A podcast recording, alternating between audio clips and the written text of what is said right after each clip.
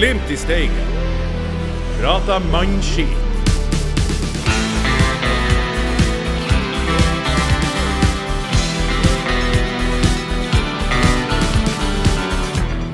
Dartskuddet er gått for europeisk kulturhovedstad Bodø 2024 og den europeiske fotballsesongen til Norges fotballflaggskip Bodø-Glimt. Engasjementet er skyhøyt. Synergieffekten er for sterk. Alle vil til Bodø. Alle vil til Glimt. TILs Jo Nymo Matland har fått innvilga familiegjenforening med Jostein Gundersen og Gaute Helstrup, og er nå blitt Glimts nye speider. Stemninga i Tromsø har ikke vært dårligere siden Jørn Hoel røyk ut av Stjernekamp. Men TILs arrangementssjef Ingar Angel Nikolaisen sier betryggende til Nordlys det er et eller annet med at når du har felles fiender, så er det ingenting som er mer samlende enn det. Noe som har vist seg å stemme, ettersom Tromsøs beste trenerapparat, spillere og nå speidere alle er samla hos Glimt. Mitt navn er Sasha Boré, og i dag er jeg vikar for Ruben Steinsland, som er programleder. Ruben måtte avlyse brått for å fære i forhandlinger med Morten Killingberg i Forsa Tromsø. For han er, blitt, eh, han er blitt inspirert av TIL nå i starten av 2024 og vil melde overgang til Glimt i Steigen. Eh, Men i dag skal vi forberede oss til årets første kamp ute i Europa mot Ajax. Og i studio så har vi embetsmann og eventyrer Koldevin Kodvåg. Takk, takk. Jeg er full av energi. Veldig bra. veldig bra. Og eh, selvfølgelig har vi med oss levemann og legende, eh, herr Ravna. Å, jeg liker Levemann, det liker jeg. Det syns jeg vi kan uh, Ja, det var fint. Det var fint oppfyller- Takk for det. Du, opp, Takk. du oppfyller kriteriene. Takk, takk, takk. takk, takk. Og ikke minst, utskremt fra teknikerbåsen er Bjørn Mensverk, som senere i podden skal by oss et tilbakeblikk med historiske glimt. Bjørn, har du det bra? Ja, jeg har det veldig bra. I dag får eh, spakene styre seg sjøl, hvis det er lov å si. Eh, Det må være lov. Eh, Og første tellende kamp er nå over oss. Er dere klare, gutter? Ja. Ja. Der. Hva mener du? Ja, den, Ja. ja. jeg trodde Er den over? Nei, Nei, den er ikke over. kommer, Den er snart kommer. over oss. Den kommer. På torsdag Det blir Ja. deilig. Nei, det føles, torsdag. eh, føles veldig rart. Det, det er ikke lenge siden sist, men eh, det føles som en evighet. Men vet du hva, jeg, jeg tok og så på det der, og det er jo det er rart hvor tida, det, det er rart hvor tida går, som eh, de sier. For eh, det er altså to måneder siden sist tellende kamp. Ja. Men det har jo vært jul og sånn innimellom. Men vi skal jo altså møte da um, Ajax på Johan Cruyff Arena, eller hvordan de sier det. Johan Cruyff Arena. Hva dere tenker Europeisk kjempe. Relativt høyt renka på Uefa-rankingen. Altså, Er det- nå, er har vi jo, nå har vi jo ikke han du her, så hvem er det som skal være eh, det fotballfaglige alibiet i kveld? ja men, men husk, husk på det at vi um, vi, vi, vi, Kødvård meldte seg frivillig. Takk skal du vi ha. Kjør, kjør analyse. jeg, det jeg skulle si, at vi er fire personer uh, med dårlig uh, peiling på fotball. Ja. Og hvis du legger sammen fire dårlige, så blir det én veldig bra. Så jeg tenker at det her skal vi klare som et kollektiv kollektiv øvelse. Jeg tenker Det som er viktig med, med Ajax, er jo uh, at uh, det er jo et, et lag av uh, individer. Og så og må dere si Nå er du dere Nå er du det god. Så må dere si noe. Som da er satt sammen til et lag, men Nei, det blir jo feil. Da bryter bygger jeg opp Ajax igjen. Det er vi som er bygd opp av individer som er satt sammen til et lag. Ja. Nei, eh, Nei, jeg, dere- jeg tenker jo at eh, Ajax eh, Nå er jo også en fotballidiot i den bokstavelige i, ordenes bokstavelige forstand. Men, men Ajax er jo et veldig stort fotballnavn i, eh, i mitt hode. Når jeg var, I den tida jeg faktisk fulgte med på fotball, så var jo Ajax var, var alltid på topp. Og eh, jeg tenker jo at vi automatisk får veldig respekt for, eh, for dem som lag pga. det navnet de har. Men sånn som jeg har forstått, så, så tilsier ikke resultatene deres og stemninga i klubben at de skal være noe særlig eh, så veldig sterkt stilt inn mot den kampen her.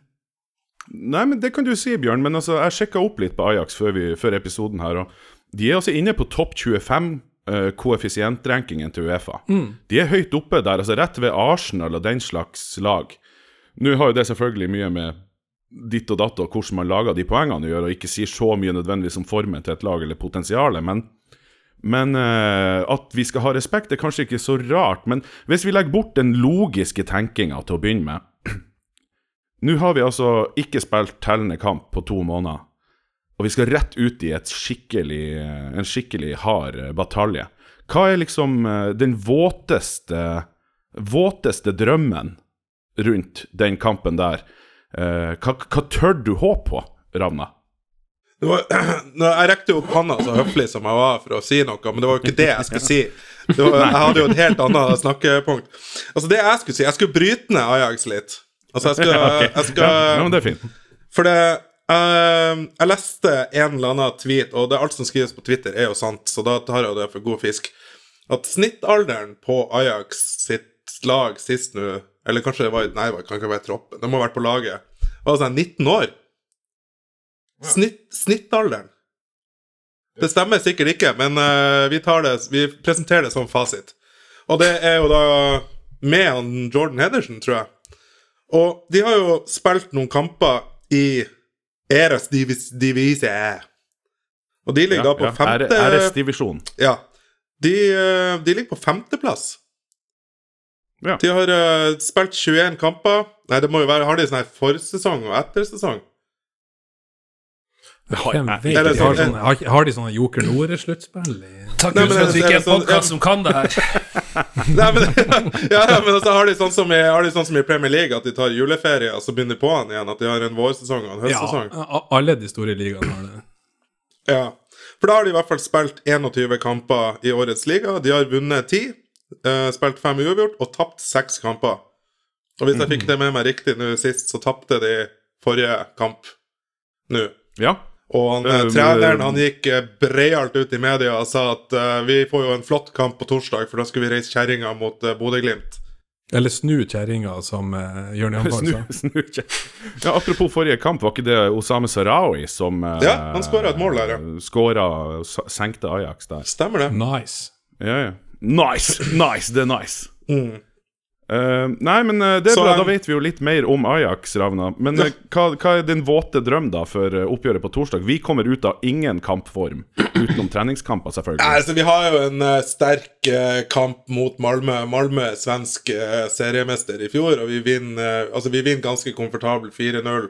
Selv om kanskje ikke kampen i seg sjøl var så veldig overbevisende. Men vi, får, vi har god selvtillit. Eh, jeg tror eh, kampformen til de fleste er ganske ok. Eh, så jeg tror, jeg tror vi klarer en uavgjort i Amsterdam. Og så vinner vi 8-0 hjemme i hustrig skitvær i Bodø i neste uke.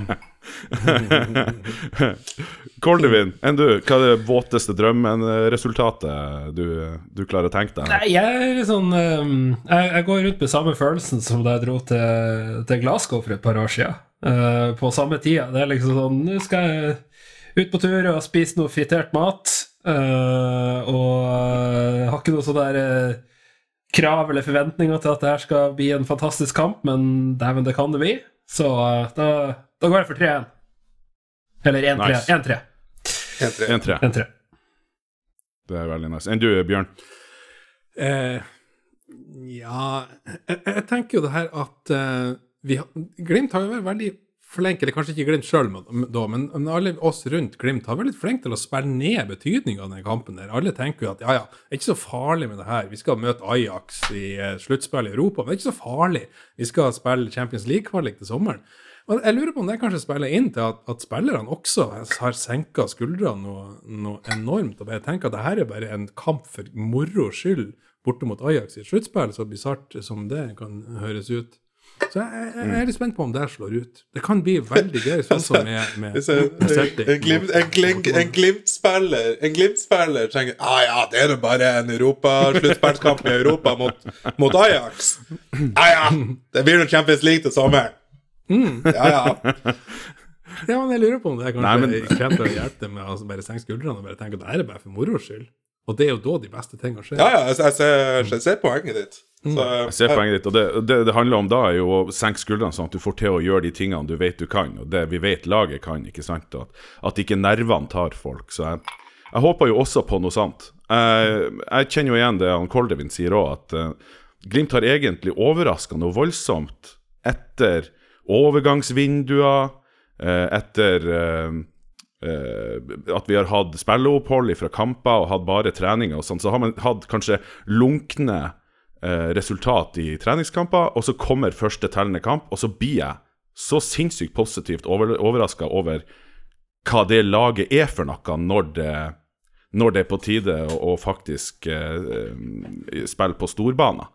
Så um, jeg har høye håp. Min våte drøm her er også det at vi klarer å i hvert fall holde, holde nullen, og kan få lov til å avgjøre hjemme på Aspmyra. Det hadde vært eh, sinnssykt flott. Det er jo en, eh, en, en, kjempefin, en kjempefin gave nå, eller eh, som payback for eh, det som Glimt har gjort i Europa de siste årene, at vi nå får, faktisk får lov til å ha hjemmekamp sist.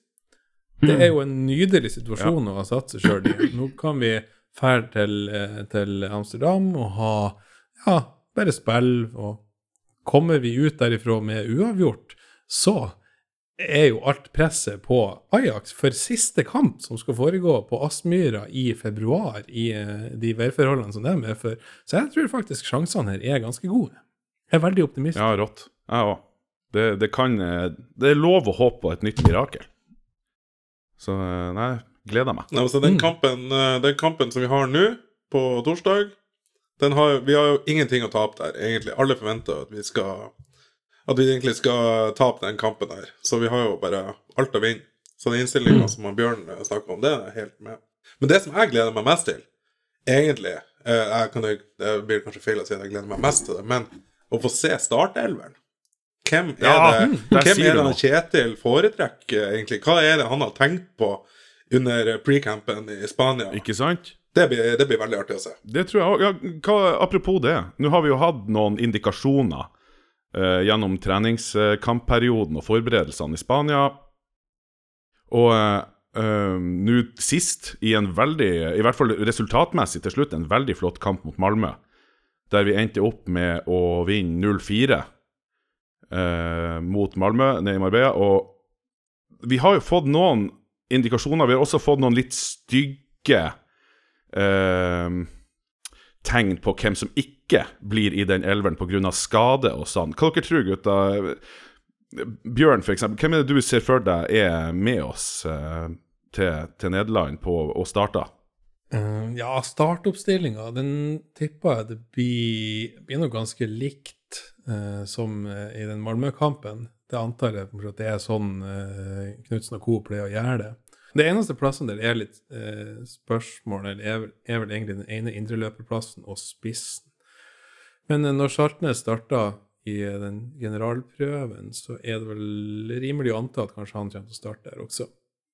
Og på spissen, så selv om jeg har lyst til å se Kappskarmo der Og jeg, jeg tipper vi får se han i løpet av kampen også, men jeg, regner nesten med at vi starter med, med han Håkon Evjen som en slags sånn der arbeidende spiss, på samme måte som i treningskampen, og at han kanskje bare sliter ned stopperne litt med, med bevegelsene sine, og at vi satser på å gi rom til eh, Sørli og Jens Petter Hauge. Det tror jeg er en veldig bra oppskrift.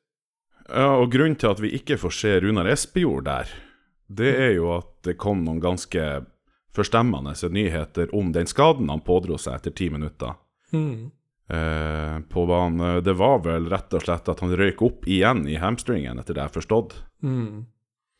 Ja, det er veldig trist. Så det er kjempetrasig. Ja, det kjente faktisk at det gjorde litt vondt i hjertet mitt å se at Runa gikk ned med den skaden der. Jeg ble så, jeg ble så lei meg. Ja, men Det skal jo ikke være mulig å ha, sånn, altså, ha en sånn der eh, jævla uflaks, eller hva man skal kalle det, med skader, men at være så At man skal være så plaga. Ja, det er det. Og det er jo ofte sånn, har du en sånn historie, så er det jo av, av en grunn. Men det er likevel Det er så, det er så synd. For hvis det er en spiller som har lyst at skal eh, komme i form og få fungert for Glimt, så er det Rune Espejord. For det vet det sitter en gjeng oppe i Tromsø der som sitter og håper på det motsatte. ja, det er akkurat det. og det sitter folk og godter seg over at Runar Espejord har blitt skada. Og det, å, jeg har så lyst til at de skal få, virkelig få, få motbevist det der. De skal få et i seg det de sier om skadene hans. Absolutt. Hør, hør. Absolutt. Er stopperplassene stoppeplassene eh, eh, sikra? Eh, hvem var det som starta som stoppere nå? Brede Moe og Jostein Gundersen. Er det duoen vi ser for oss starta, starta i, i eh, Nederland også? eh, Brede Moe og, og Gundersen? Uh, nei, jeg tror jeg henviser til uh, Hvis man er interessert i det her temaet, så kan man høre ca. ti timer med diskusjoner rundt, rundt det i AN-podden. Ja, det er helt sant. Ja, Vi har kan ganske mye bare, peiling. hvis du, hvis, Er det noen av oss som har hørt det, som kan eh, Som kan bare gi en liten summa, summa summarum her? Det er veldig spennende. det er veldig spennende. Så, men skal vi Gundersen og Gundersen Mo? Ja, jeg, jeg tipper Ja. det, at uh, i den siste generalprøven før en såpass stor kamp, så, så er det ingen andre enn de som faktisk starta kampen mot Ajax, som får sjansen på stoppeplass. Så jeg tipper Ja, det blir Mo Hvis de kan. Mm. Ja, absolutt. Og da har vi heller ikke Faye Lund da, i keeperburet, men uh, vår nyankomne. Mm. Jeg snakker om en uheldig fyr med skader, Faye Lund også. Når uh, Haiken ble skada i, i fjor, på slutten av sesongen, så hadde han også klart å pådra seg et eller annet, sånn at han Magnus Brøndbo måtte stå. Og nå, Ja, når han endelig får sjansen i Europa, så er han uheldig og får eh, ball i hodet. Det der- De der harde skuddene på trening, det må de prøve å kutte ned litt på. Men det var ikke, Det var ikke ut Sørli. Det var ikke Sørli nå, var det det? Eh, nei, det var det vel ikke. Det var vel han, han stoppa et skudd i kampen, eh, en av de treningskampene som, som Ja. gjorde det. Men det er maks uflaks for Faye Lund også, at han, når han endelig får sjansen, så er det skader som eh, gjør at han eh, ikke får spilt. Ja. Jeg, jeg, jeg må jo si, jeg vet ikke, vi skal jo inn i en ny sesong nå, og eh, det laget som nå er liksom satt sammen av uh, gamle eh, og nye, men veldig mange returnerende spillere fra 2020-sesongen. Jeg er veldig spent på hvordan hva det er slags fart og spenning vi får se altså fra det Glimt-laget her. Jeg tror jo vi kan få se det, det lille, ikke bare det lille, men det vi fikk se av Jens Petter Hauge nå i treningskampene, sånn, det, det minner jo om ei, en, en Nå skal ikke jeg prøve å være noen fotballforståer, men, men en sånn dynamikk og bevegelser der, der vi kanskje har savna det mest, da. I, eh, I de avsluttende fasen av spillet, og, og de bevegelsene han er med å skape, og Håkon Evjen er med å skape. Jeg er utrolig spent eh, på, på hva slags fyrverkeri vi kan få lov til å se i år. Og jeg håper det begynner allerede på torsdag. Det var veldig lovende, det som Jesper Drauge viste i den treningskampen. Altså. Han, var, han var veldig påskrudd, og det ga jo resultater også. Han skåra et mål og hadde en assist helt i starten, og det var, jeg syns han var vist veldig gode takter. Det blir nydelig. Og det, det er flere ting som er helt nydelig med at vi nå er i gang igjen, og det er jo alle de menneskene som har uh, gleda seg til å endelig få dra på tur igjen med Bodø-Glimt. Se laget i sitt hjerte fart rundt, fjert rundt i Europa og prøve seg på store navn. Og jeg tror det, det er en del penger som brenner i lommebøkene til folk eh, til å komme seg ut og komme seg på en kort, liten ferie og få kikka på kamp. Og her har vi jo med oss vår eh, eventyrer og ekspert. Koldevin Kodvåg, eh, jeg forstår at du er klar med en ny utgave av segmentet Hold Edvin, legg bort den satans didgeridooen og pakk tannbørsten. Vi må dra. Husk tannbørsten! Glimt i Steigens reisemagasin i samarbeid med Glimt i Kodvågen. Vennskapsbygda til Botn i Steigen. Steigen. Steigen. Eh, Velkommen. Du Nå skal vi ut på tur igjen, men før vi setter i gang, så tenkte jeg at vi skulle eh, ta litt eh, Vi må ha litt, litt bakgrunnshistorie her, og jeg skal starte med en slags eh, quiz, eller ei gåte, nesten, til, til panelet. OK? Hvordan utlending, norgesvenn og middelmådighet av historiske proporsjoner er hedra med monumenter i både Bodø, Ålesund og Oslo? Ålesund, eneste statuen der er vel eh, Jon Arne Riise? Ja, han er ikke utlending. Ja, nå, ja. En utlending, ja. Hvilken utlending har vi statue av i Bodø? Jeg sa ikke at det var statue. eh, Et monument. ok. Et monument, ja. Oh, okay. Hvilket monument Ja. har vi av en utlending i Bodø? Så kan jeg vel si at I Bodø så, i Bodøs tilfelle det kan jo være et hint I Bodø så ligger det monumentet ikke i byen, men det ligger i kommunen. Ja, takk for hintet. Ikke så veldig langt ifra sentrum, men uh... Altså, snakker du, Når du sier av, snakker du den som har lagd det, eller er det he for å hedre? For å hedre. For å hedre. Ja. I, i Bodø, Ålesund og Oslo. Oslo. Det kan hende Oslo. er flere steder også, men det er de jeg, de jeg har oversikt over. Pass. Jeg liker Pat sine quizer bedre. De klarer jeg noen. i. Det her er, det her er altfor vanskelig. Ja. Nei, eh, vi skal frem til en av enkeltpersonene som i størst grad var ansvarlig for det moderne Europas urtragedie, nemlig første verdenskrig. Vi skal frem til keiser Wilhelm 2. av Tyskland. Oh, ja. Oh, ja, ja, han, ja. Han var i god tysk tradisjon en eh, norgesvenn, og gjennomførte flere sommercruise langs norskekysten i keiserskipet Hohenzollern. Eller det var vel flere versjoner av det skipet, faktisk. Og han var flere ganger innom Bodø. Uh, under et av besøkene i 1891 kom han seg til toppen av det lille fjellet i Bodø, som offisielt heter Veten, det heter det fortsatt, men som på folkemunne kalles for Keiservarden. Keiservarden, nettopp.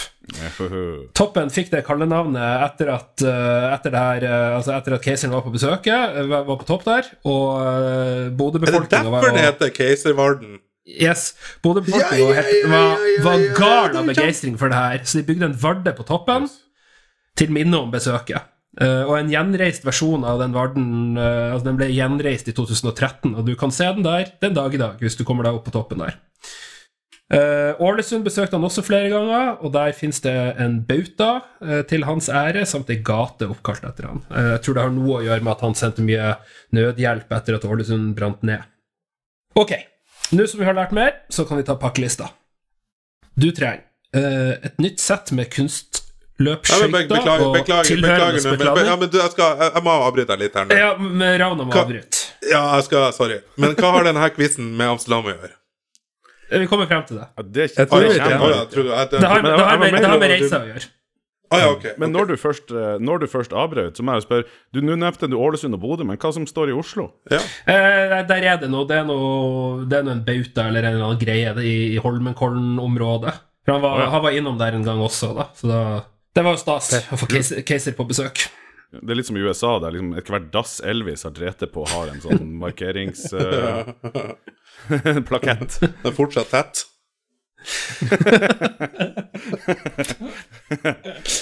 Beklager, eh, Koldevin. eh, eh, vi tar, hva- hva pakkelist, du vi tar si? pakkelista på nytt.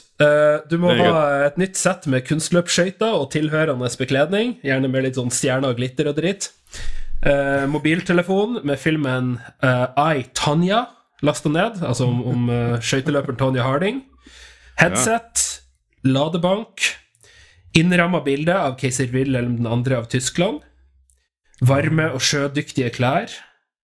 Sjøkart og tidevannstabell for Vadehavet, altså det som heter Wadden Sea på engelsk.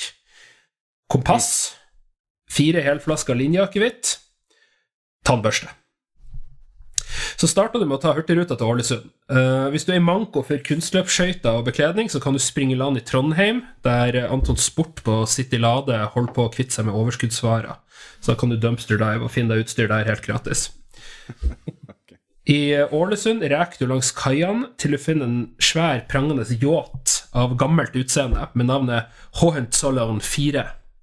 Den tilhører da den tyske foreninga Kaiserbund, eller eh, hva kan jeg si, Keiserforeninga, som er en gjeng med typer som vil gjenreise eh, det tyske keiserriket, og som bl.a. ser på kronidioten Wilhelm 2. som en helt. Denne foreninga har da fått bygd seg en kopi av det siste skipet keiseren reiste på norgescruise med, og de er stadig vekk på pilegrimsferder i Norge for å besøke keiseren sine reisemål. De var i Bodø for noen dager siden, som du hadde vært litt i forkant med planlegginga di, så kunne du ha hoppet om bord da, men nå er du sent ute, så da må du til Ålesund for å treffe dem der. Nede på kaia så roper du 'Heil der Keiser!' Eh, igjen og igjen til noen på skipet ser deg, og så vifter du med det bildet av, av keiseren mot dem. Og uh, Så kommer du i snakk med dem, uh, og da forklarer du. da kan du bruke denne historien. Så fremt det ikke er mange som drar, da. Hvis det bare er du. Så sier du at du har vært svært overvektig og usunn, men gjennom daglige turer på Keiservarden i Bodø har du kommet inn i et positivt regime med trening og kosthold. Det har ført til kraftig forbedring, og du føler deg dermed sterkt knytta til keiserverden. I den forbindelse oppdaga du nylig historien bak navnet, og nå kjenner du at alt som er godt og sunt i livet ditt, springer ut av keiserverden og keiser Wilhelm den andre. Okay. For få dager siden fant du dessuten ut om Keiserbond og deres norgescruise, eh, men du var for sent ute til å få møtt dem i Bodø. Så nå lurer du på om du kan få være med videre på cruiset. Eh, og de syns jo det her er en fantastisk historie, selvfølgelig, og skjønner at du har ei tett knytning til deres uh, favorittmenneske i, i hele Europas historie. Uh, Så forteller de at Ålesund var siste stopp på reisa, og at de nå skal tilbake til Kiel, men du, du kan godt bli med. Og det vil du selvfølgelig. Så da blir du med dem på, på cruise, da. På det her gjenreiste Keiserskipet. Eh, når du er om bord, så er det viktig å ikke fremvise noen større tyskferdigheter, for da kommer de til å ønske å diskutere eh, han her idioten eh, Keiser Wilhelm med deg hele veien til Kiel. Nei, nå er jo ikke keiser Wilhelm her til å forsvare seg, da. Nei. Nei, det, det er sant. Eh, ja. Eh, men de folkene her er ikke så stødige på engelsk, eh, så de vil ikke klare å diskutere eh, den helt nøytrale keiseren sin eh, på engelsk. Så så lenge du ikke kan tysk, så går det bra. Da slipper du å prate med dem så mye. Så da har du godt med tid til å ligge i lugaren din og se filmen I, Tonya på mobilen. Det er litt viktig for det som skjer, uh, skjer senere. Ok. Under middagen siste kvelden på reise mot Kiel drar du frem akevittflaska og skjenker hele gjengen uh, på akevitt, så de forhåpentligvis sover ekstra godt uh, påfølgende natt. Sjøl står du opp klokka to på natta før ankomst til Kiel. Du sniker deg bort til livbåten bakerst til høyre på skipet. Jeg vet ikke om det blir babord eller styrbord. Jeg kan ikke de greiene der. Å, jeg kan en fun fact om uh, bakdelen på et skip. Vet du hva det heter på engelsk? Poopdekk. Det bæsjdekket. Yes. Ja, det er faktisk Fun fact over. Det er Kjør, pup. kjør, uh, kjør tannbørste. Uh, men du sniker deg der bort og, og stjeler livbåten, uh, og så lårer du den og seiler av sted. Og da tar du til høyre eh, ganske umiddelbart inn Kielkanalen. Den går da over eh, liksom, skal si, tvers igjennom eh, skaftet av eh, Ja, altså det som der, der, Rett sør for Danmark, kan du Er det, si. er det Slesvig-Holstein? Det blir vel noe sånt, ja. Eh, Skaftet, skaftet på Danmark. Denne praten her minner meg litt om når du begynte å jobbe i Istanbul, at jeg ble så jævla øltørst. Nå sitter jeg her på Camp Sandnes og har faen ikke tilgang til øl. Men kjør! Kjør, fortsett! Fortsett! Eh, da seiler du videre, lille, lille liv, livbåten, eh, tvers over til, um, til Nordsjøen på andre sida. Og da kommer du ut i det her som heter Vadehavet, Wadden Sea. Mye av Vadehavet blir tøllagt eh, ved lavaen, så nå er det om å gjøre å komme seg ut på dypere vann før det blir lavaen. Og så setter du kursen videre vestover mot de østfrisiske øyene. Og så seiler du på utsida av dem inntil du har passert øya Borkum, som er der grensa mellom Tyskland og Nederland går. Og da skrår du inn mot land og setter beina på nederlandsk jord. Åh, er det derfra eh, Nå skal vi ikke drive med noe tobakksreklame, men jeg vet at det finnes en pipetobakk som heter Borkums Riff. Det, Det må jo være derfra. Det vet jeg ikke. Der har ikke jeg vært. Det her må vi undersøke. Eh, når du kommer i land i, i Nederland der, så begynner du bare å gå til du finner en kanal som ligger i nærheten av en, um, av en bilvei. Eh, og når du finner den, så kler du på deg det her skøyteutstyret ditt og henger skøytene rundt halsen. Og så står du langs veien og ser på kanalen med et dumt og forvirra uttrykk i fjeset, inntil en nysgjerrig innfødt stopper opp. Og Her er det da viktig å ha et mest mulig prangende, glitrende skøytekostyme, så du blir lagt merke til eh, langs veien. Eh, du presenterer deg sjøl som en rik og dum utlending av noe slag, f.eks. en amerikaner, eh, som da er blitt hekta på filmen I, Tonya, om skøytedronninga Tonja Harding. Og så dro du da på vinterferie til Nederland fordi det er din store drøm å skøyte på kanalene i det her liksom skøytemekka, skøytemekkaet, eh, som jo Nederland skal være. Så kom du hit, men her var det jo ingen snø eller is eller vinter, så her står du og får ikke gått på skøyter, da. Og greia med nederlendere er jo at de er et land av, av eh, hva skal jeg kalle det for, skarpmunner. Altså, de elsker å si det som det er, hardt og brutalt. De legger ingenting imellom, og det, det er liksom hobbyen deres. Deres nasjonale hobby, bortsett fra kanskje å gå på skøyter tidligere. Så når de nå møter en tulling som har reist over et verdenshav med nytt og dyrt skøyteutstyr, uten å sette seg inn i vær eller klima, så klarer de ikke å la være. Da har de liksom noen å prate dritt om. Ehm, så da sier de noen harde gloser, og så tar de deg kanskje med i bilen. Eh, og så bruker de kjøreturen til å prate drit om deg på nederlandsk, og kanskje også til deg på engelsk. Når dere er i bilen, kan du gjerne spørre om dere er nært Amsterdam, for du har hørt at det finnes en ice rink der.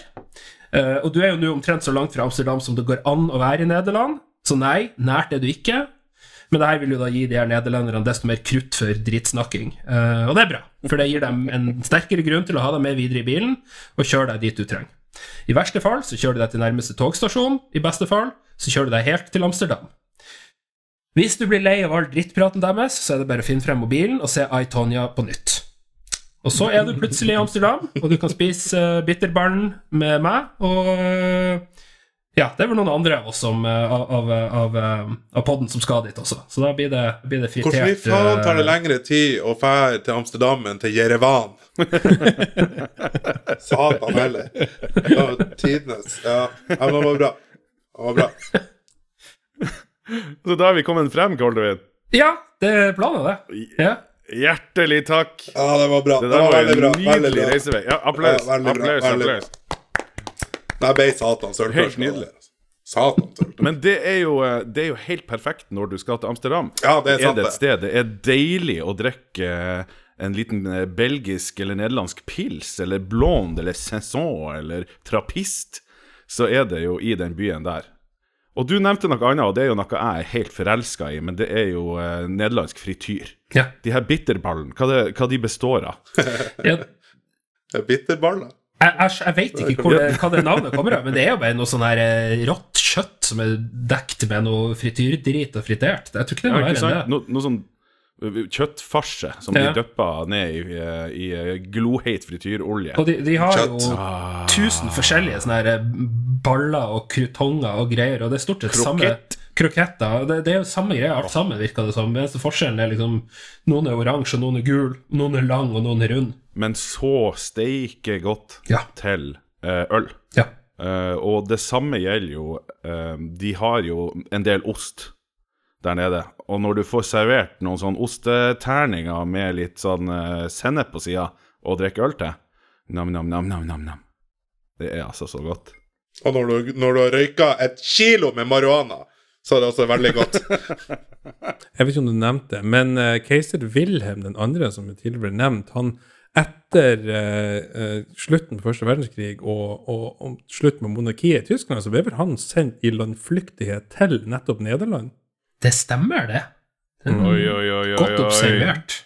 Jeg skulle Mm, akkurat det å si det samme sjøl, men han kom meg i forkjøpet. Der er enda en keiser Wilhelm-link til, til ukas reisemål. Ja, det er det faen meg. Og, og da, da, da erkehertugen av uh, Ja, nå satte du han i ble skutt, ble skutt, i, er ble skutt i. Sarajevo. Når altså Frans Ferdinand ble skutt i Sarajevo, og, og krigssjuene tårna seg opp i Europa, vet du ikke hva keiser Wilhelm gjorde da? Datta på ræva! Spiste bitterballen? Er det linken? Før, før krigen var brutt ut, men når liksom alt hang litt i lufta, hvor, hva gjorde han da? Han dro på ferie til Norge. Han dro på norgescruise. Yep. Ja, selvfølgelig. Uten, uten, det. uten radioforbindelse. Det var lurt. Stemmer. Jeg driver og leser en veldig interessant bok om det her, så det kan vi Jeg husker ikke tittelen. på Det kan dere prate om. Eh, Vi kan ta og legge et lite bonusspor på tre timer. Det blir bra. Men uh, apropos spising, jeg er jo jeg er usunt glad i sånn uh, Både å være i Nederland og eh, på ferie, og, eh, og også spise den her nederlandske maten. Og de har Jeg kan anbefale til alle som er der nede, hvis det er sånn marked en dag eh, på en av de torgene i Amsterdam, så eh, pell dere til en sånn bod som selger stroopwafelen. Åh, altså, det er altså godt, det! Det er faen meg godt, det. Det er to litt sånn harde kjeks, tynne kjeks, som eh, har eh, massive mengder med eh, sirup. Jeg i syns jeg så noen av sånne damer som sto i noen sånne glassbur som serverte det sist jeg var der. det var, ja, det, du, du, Du så på det stropvaflene deres. du. Ja, du tenker på Red Light stropvafler. Ja, det var det jeg tenkte på, ja. Spesialiteten i Men kjent, Amsterdam. kjent rett. Ja. Ja. Ja, hver, er hver, sin, hver sin smak. Hver Ja. sin smak. Uh, skal ikke dømme. Koldevin, har du noen flere ting du ville eh, forære oss av eh, fakta om uh, Om keiser Wilhelm 2.? Ja, eller Amsterdam, eller turen dit? Nei, tror ikke det. Jeg må bare si at det, hvis, hvis det finnes en, en broderpodkast av oss i Nederland, så har jeg veldig lyst til å høre deres reisebeskrivelse til Bodø. Nå kom jeg på en Ja. bitte liten parallell mellom Amsterdam og Bodø. Amsterdam starta akkurat som Bodø, som en sildeby. Sildefiskerlandsby nede i noen myrer uh, for 1000 år siden, eller noe sånt. Mm. Du er et utømmelig uh, overflødighetshorn av faktum, uh, Koldevin Kodvåg. Tusen hjertelig takk. Tenk deg, jeg, jeg fikk eh, gleden av å gå med han uh, Kødvågen i Istanbul i tre, tre hele dager. Husker jeg. Vi fikk jo høre litt på det der, og det hørtes jo ut som du fulgte med noe jævlig. Ja, ja, ja, jeg fulgte med veldig mye. Det var en eller annen plass der det døde 100 000 med hester eller noe sånt. Det var Det husker jeg. Det var Hester? hun- Ja, det var noe hester. sånn Det var ikke sånn her eh, hestebane der det døde masse 100 000 Ja, det var jo Altså, hest. Spaseropptøyene i oldtida. Ja, det var det det var, ja. Helt riktig. Ja, det var ikke hester. Ikke, du må ikke kalle supportere for, uh, for hester. Det Nei, nei, nei. nei. kan bli tatt ille opp. Nydelig, nydelig, nydelig. Tusen takk for det. Det er deilig å være uh, i Europa igjen. Det er deilig at folk skal på tur igjen. Det er deilig at man skal pakke tannbørsten igjen. Og uh, vi må bare ønske alle som er der nede, en trygg og god eh, kamp og en herlig opplevelse. Og så skal vi eh, traske videre til vårt faste segment med vår arkivmålvarp. Bjørn Mensverk, nemlig.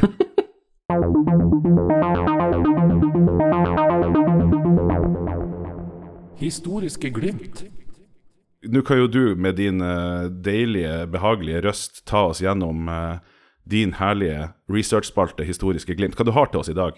Nå skal vi ta oss tilbake i, i, i tid. Vi skal sette oss i et sånn mentalt bilde her. Det er mai, og vårens vakreste eventyr, Norgesmesterskapet i fotball for herrer, er i gang. Det er første runden, som er eh, neste kamp, og Glimt setter seg på bussen og drar på langtur østover.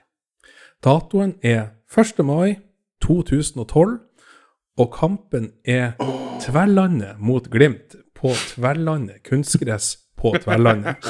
okay. Nå hadde jo jeg håp- håpet at han Dewey Blacksmith Hill skulle, skulle være med i denne episoden, siden han har noen røtter på Tverlandet. Men eh, vi får klare oss uten han, og se hvor godt dere kjenner til Tverlandet. Jeg har vært på et nachspiel der en gang. Ja, se der. Ja. Jeg har, jeg har spilt noen kamper der også i min eh, fotballkarriere på en uh, helt jævlig grusbane som lå langt oppe i skauen. Jeg brukte å dra og spise på Lødding kro iblant. Ja, se der. Jeg har jo spist mange pølser på. Esso-en der også.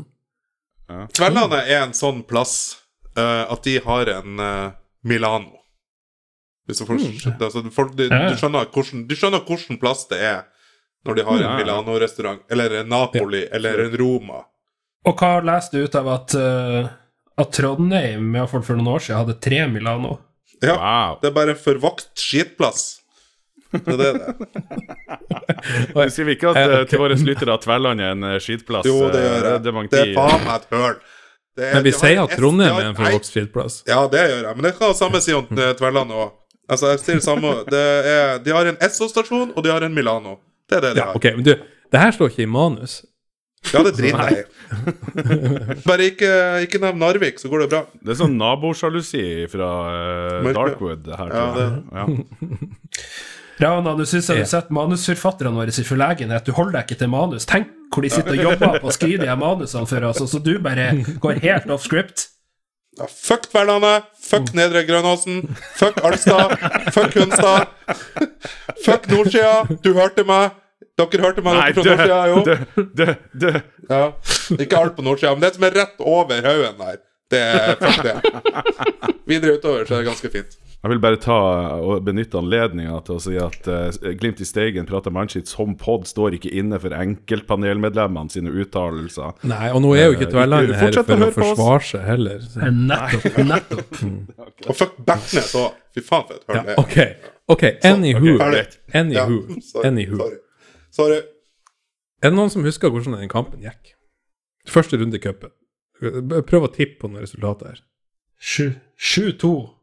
4-1 til Glimt. Eh, Verken 7-2 eller 4-1. Det ender faktisk 5-0 til Glimt. Yes. Eh, så, og det er jo Vi kan gjette på førsteoppstillinga til Glimt, men da må dere også ta litt sånn eh, hensyn til at det er første runde i cupen. Man slipper ofte litt sånne litt ukjente navn til. Så dere får et minutt, så skal vi se hvor mange dere klarer av ei første runde i cupen. Okay, 2012 det her, altså. 2012. Sesongen 2012. Ja. Klar, ferdig, Ja. gå. Trond Olsen. Monir Abod. Brede, Ikke Olsen. Monir Brede Mo. Eh, ikke Hamoud, ikke Mo. Ulrik Saltnes. Saltnes er på banen. Ja! Ah! Uh, Trond Olsen. Nei, Olsen er sagt, men han er ikke på banen. Amola Jonny. Eh, nei. Um, Ibba. Nei, ikke Iba. eh, Willis Forco. Nei, det er litt Ja, sent det er artig. Ja, Ja, det er litt sent. Sorry. Keeperplass. Klas, And- Klas André Guttulsrød. litt sent for det også. Nei, vet du faen. Altså, har, vi, har vi klart én? Ja. Og det var jeg som klarte det. Og det er Ulrik så Vi er ferdige. Klokka tida er der. Dere har fem sekunder igjen. Å ja, okay. sorry, sorry. Ikke meningen. Jeg trodde at, jeg trodde Mathias at, at det var et Nei, ikke nordmann. Der eh, peip klokka mi. Dere har klart én. Én! Én jævla spiller i startoppstillinga. Jeg vil gjerne påpeke at det var jeg som klarte det. Ja. Så eh, full pott på det, Ravna. Takk, takk, takk. takk, takk, takk. Det her er jo, I dag er jo et veldig godt eksempel på hvordan podden blir uten både Dewey og Ruben til stede. Som er to av de mest fotballsolide guttene vi har her. Ja, det her, her må vi kunne si er et lavmål i denne Sparta sin historie. Men skal vi ta og gå igjennom laget, da? Eh, Ok. Hvem som var reservekeeper? Hvem som var den evige reservekeeper på denne tida? Han er fortsatt i klubben. Johs Kolstad? Eh, Jonas Kolstad. Jonas Kolstad. Ja, selvfølgelig. Hvem som er en venstreback og en klubblegende i Ruben Imingen. i historien. Ruben Imingen. Ja, Vi skal ikke ta hele Ja. laget sammen, men, men Jonas og Ruben burde ikke ha klart. Eh, ja, Stoppeparet er Thomas Bråten Ja. Martin Pedersen. Han skal jeg gi dere eh, eh, godkjent på at dere ikke klarte. Og motsatt back også. Dette er én av to kamper han spiller for Glimt, og det er Tobias Skovgå fra Danmark. Oi. Eh, Midtbanen er da Ulrik Saltnes, som dere klarte. Det er Badou. Ah, Badou, selvfølgelig! Han kunne klart. Helvete heller. Den, Ja. Han skulle bli klart. Ja, og så er det også en 15 år gammel Morten Ågnes Konradsen. Nei! Ah, ja, ja. Eh, og angrepsrekka er Vi har sagt broren hans allerede. Hvem er midtspissen? Vegard Altså, Bråten. eh, Ande, Ande eh, Vegard Bråten, ok. Ja. Ja, og de to eh, vengene er da eh, Erlend Robertsen og Ulrik Bergland. Selvfølgelig. Andre Ulrik. Mm, mm.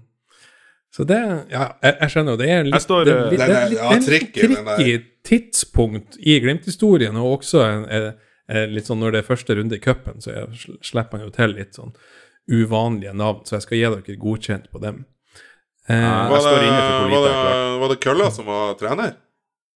Eh, nei, denne sesongen er det Cato Hansen og Tom Kåre Størvik som har Ja, treneransvar. ja, ja, ja. Det var det året, ja.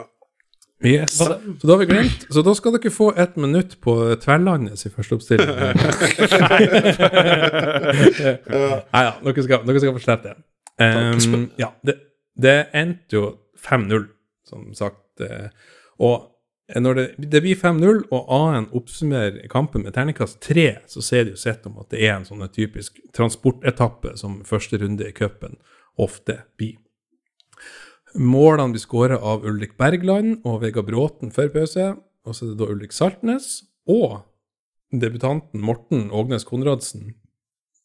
Eh, og til slutt Martin Pedersen, som skåra målene. Som gjør at det ender 5-0 til slutt. Og tre av de her spillerne eh, noterer seg for sitt første A-lagsmål også. Morten Konradsen, Martin Pedersen og Ulrik Bergland. Så det er jo eh, en fin ting å ta med seg. En annen ting som er interessant i den kampen, der, er at det er en brødreduell på banen. Og det er da selveste Ruben Immingen som møter sin storebror Arnulf Immingen, som spiller på Tverlandet. Nei! Het han. Arnulf Ingebrigt? Det høres, Har du- det høres ut som eh, Det høres ut som en fantasi uh, Nei. ond, Jeg- tvilling. Altså, Jeg liker lyver ikke, som han uh, Arthur Du tenkte, du tenkte på Neida. Ørnulf i Donald, du? Nei da. Han, han, Arnulf Immingen han, er, han, har, han har veldig mange kamper for Steigen sportsklubb, han også. Så han er, en, en, han er også en legende i, i Steigen-historien. Men han spiller da på eh, Tverlandet på denne tida, og de møtes. Og eh, det er vel greit å se at Ruben kommer greit seirende ut av den duellen.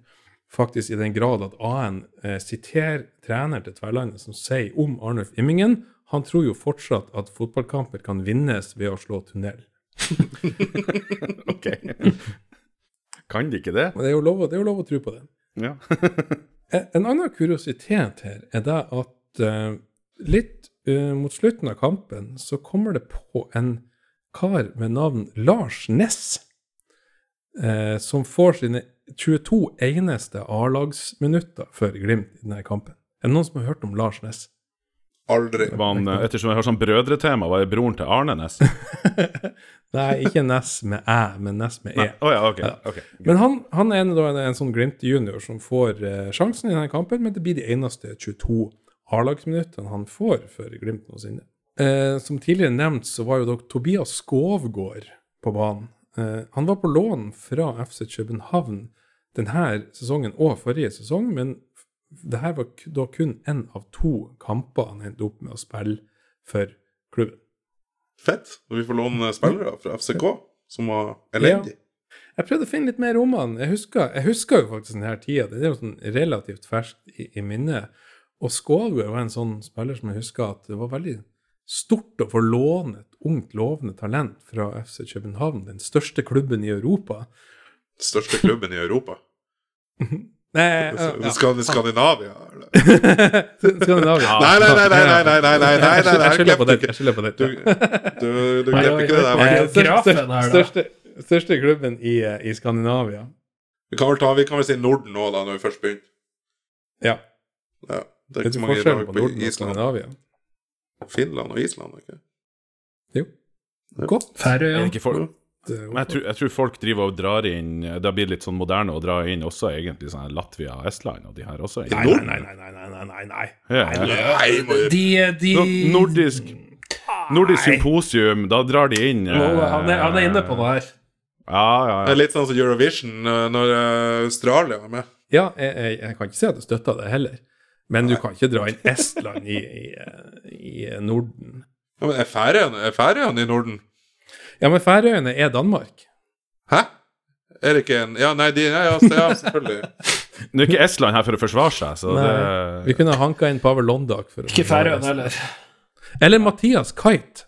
Han kunne vi hanka inn til å forsvare Estland. Så du kan også, du kan også si sånn rent teknisk at Grønland er i Norden. Ja, Nei. det må man si. Nei, nei, nei, nei. Nei. Nei, når du først begynner, når du først Nei, nei, begynner nei. der Men geograf, eh, geologisk uh... Ja, det her er jo også et problem, sånn eh, geografisk sett, uh, at Ja. Uansett her- Jeg syns at de som her- vil være i Norden, skal få være i Norden. Hvis de identifiserer seg som Norden, skal de få være i Norden. Ja, ja, ja. Det, det må de få lov til. Når man snakker alt det her, det er jo, det er jo altså, politiske inndelinger. Det er jo politiske inndelinger eh, når vi snakker om Nordisk råd og, og Scandinavian Airlines og sånn, så må jo det så må Du jo, kan godt kutte, da kan, du kan godt kutte her vekk, eh, Bjørn. Ja, men jeg har det et lite spørsmål. Når vi først er inne på det politikk som speiler en geologisk, geografisk virkelighet. Men husker, jeg, jeg, hadde, Mm. jeg hadde en liten digresjon. Altså når, Jeg nevnte det i stad, men når uh, Australia er med i Eurovision, hvordan funka det? De møter opp, og så synger de. Fordi Eurovision er Euro, Euro, European Broadcasting Union, som bare er en sånn her TV-union. Ja, for alle som Eh. kan ta inn TV-signaler fra Europa. Ja, men de kan jo ikke ta det inn i Australia! de nord- landene De Jo, de ligger jo under landene- Commonwealth. Ja. De ligger jo under bri eh, britene i Commonwealth. vet. Det er derfor de nordafrikanske landene, sånn som Marokko og Algerie sånn, det er mange ganger de har vært med i Grand Prix også. Men det er bare at etter at Israel eh, begynte å bli med på, på fast basis, så, så boikotta de Eurovision. Men de, med både Marokko og Algerie har vært med mange ganger i, i eh, Grand Prix. Ja, ja, altså Aser- Aserbajdsjan og alt det der. Aserbajdsjan, Men, der, men det kan jeg, jeg kan kjøpe det her. Så, lenge, så langt det TV-signalet rekker, så er det, så er det Ja, greit. Hvis du får, hvis du får med deg, hvis du får med deg sendinga. Men Australia det er useriøst. ja. Og streaming, streamingsignalet, da.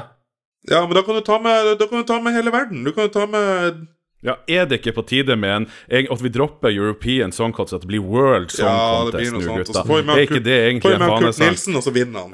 Ja, Eller kan vi gjøre sånn som Miss World og Miss Universe, at vi har Universal Song Contest, så vi kan åpne Ja. for andre planeter også. Anywho, Ja, det var det. det er første gangen at Tverlandet eh, IL, eller, eller TIL, som de forkortes, har, kommet, har kommet seg gjennom kvalikrundene til å være med i første runde av cupen. Så derfor er det folkefest på Tverlandet med tels uoffisiell tilskuerrekord med 668 tilskuere. Dæven. Folkefesten på Tverlandet. det. For å gå videre. Cupen 2012. Glimt går videre. Slår ut Nardo i neste runde. Den kampen var jeg faktisk på, og så de vinner 1-0. Eh, så slår de ut Alta. Videre slår de ut Lillestrøm i en knallsterk 4-0-seier hjemme.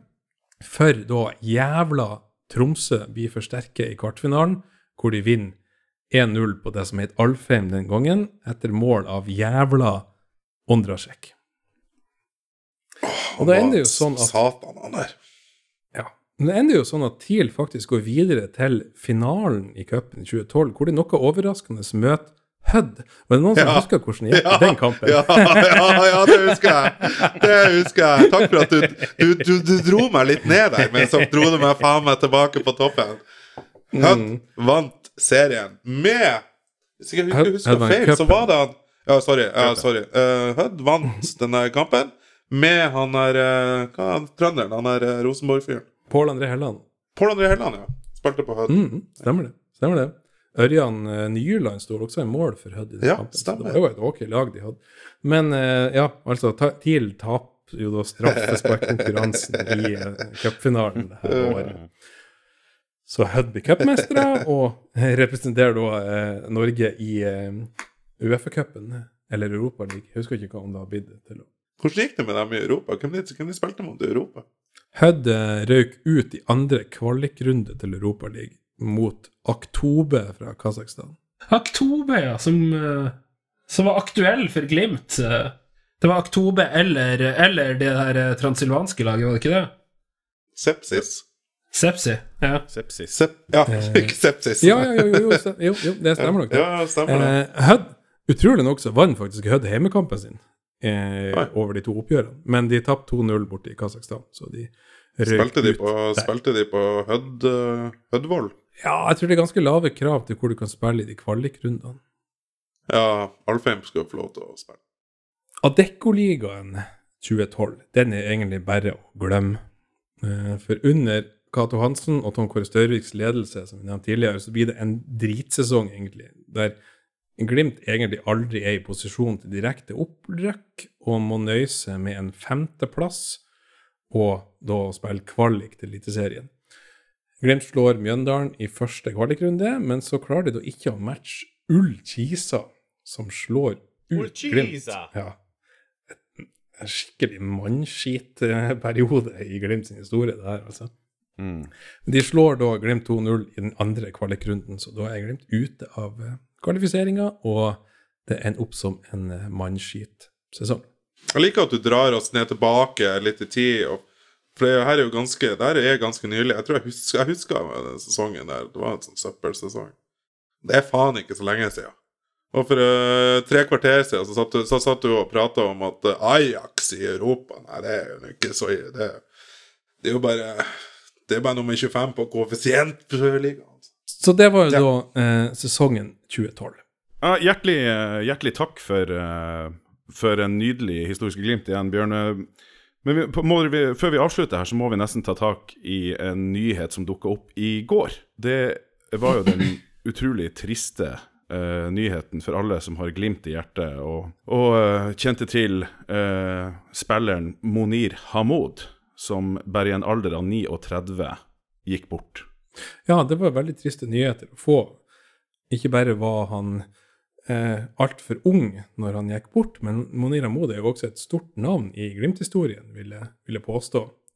Absolutt. Han kom til Glimt eh, fra Lyn i 2006 og ble i Glimt til eh, eh, 2011, og var jo en sentral brikke i laget i denne perioden. Og han endte på 173 kamper og 18 mål. Og det er ganske mye når du tenker på en sånn klubblegende som Stig Johansen faktisk har 176 kamper for, for Glimt. Så han er et, et stort navn. Og han er jo Ja, også en spiller som deltar i noen legendariske kamper, sånn som kvalikkampene mot Odd i 2007 og den her 3-1-seieren over Rosenborg på Lerkendal i, i 2008. Jeg husker iallfall Monir Hamoud som en, en veldig pålitelig og hardt arbeidende spiller som hadde veldig fart og også dribleferdigheter, både på weng, som han spiller først, eh, men også senere som back, som han ble omskolert til. Selv om da innkast ikke alltid var hans sterkeste side. Ja, og, og etter Glimt-tida så dro han jo videre til Strømsgodset i 2012, og så fikk han med seg faktisk en ligatittel, en seriegull, i, i Strømsgodset i, i 2013, og ble der som spiller da ut eh, 2019. Og eh, jeg, jeg tenker jeg snakker for alle i podden når jeg eh, får lov til å uttrykke min sterkeste medfølelse til, til familien til Monir Hamoud. Absolutt. Hør, hør, Absolutt. hør. Og Signe minne. hvis man eh, har lyst til å gjøre noe fint, og man er blitt berørt av det her bortgangen til Monir Hamoud, så har lyst til å gjøre noe fint for familien hans, så er det da ute en spleis som er lagt ut til støtte til hans etterlatte familie, som du finner f.eks. ved å gå på Glimt sin Twitter-profil, de har delt den. Eh, der kan du da gi støtten din, det har jeg tenkt å gjøre i hvert fall. Gutta, eh, Takk for en fin historiske glimt. Fint eh, tilbakeblikk på eh, tida til Monir Hamoud i Glimt nå. Og så, så får vi bare ta og vente på en eh, spennende kamp på torsdag. Det er vel det vi kan gjøre. Vi gleder oss til å sparke i gang sesongen 2024. God tur til alle reisende supportere. Og så gjenstår det bare for oss her i panelet å si Heia Glimt!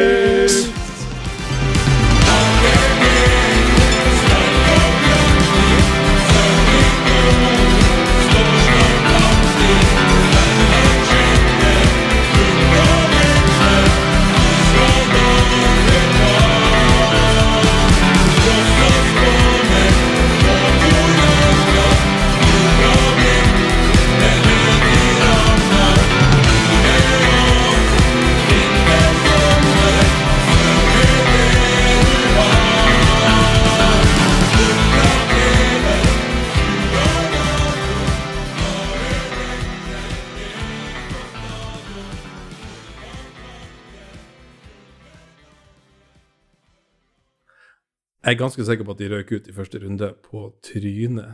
Uh, vet du, vet du, skal jeg ta og sjekke det? Bare la oss uh, holde her. Sett det bare inn litt sånn jeg venter. Europa ja. Skal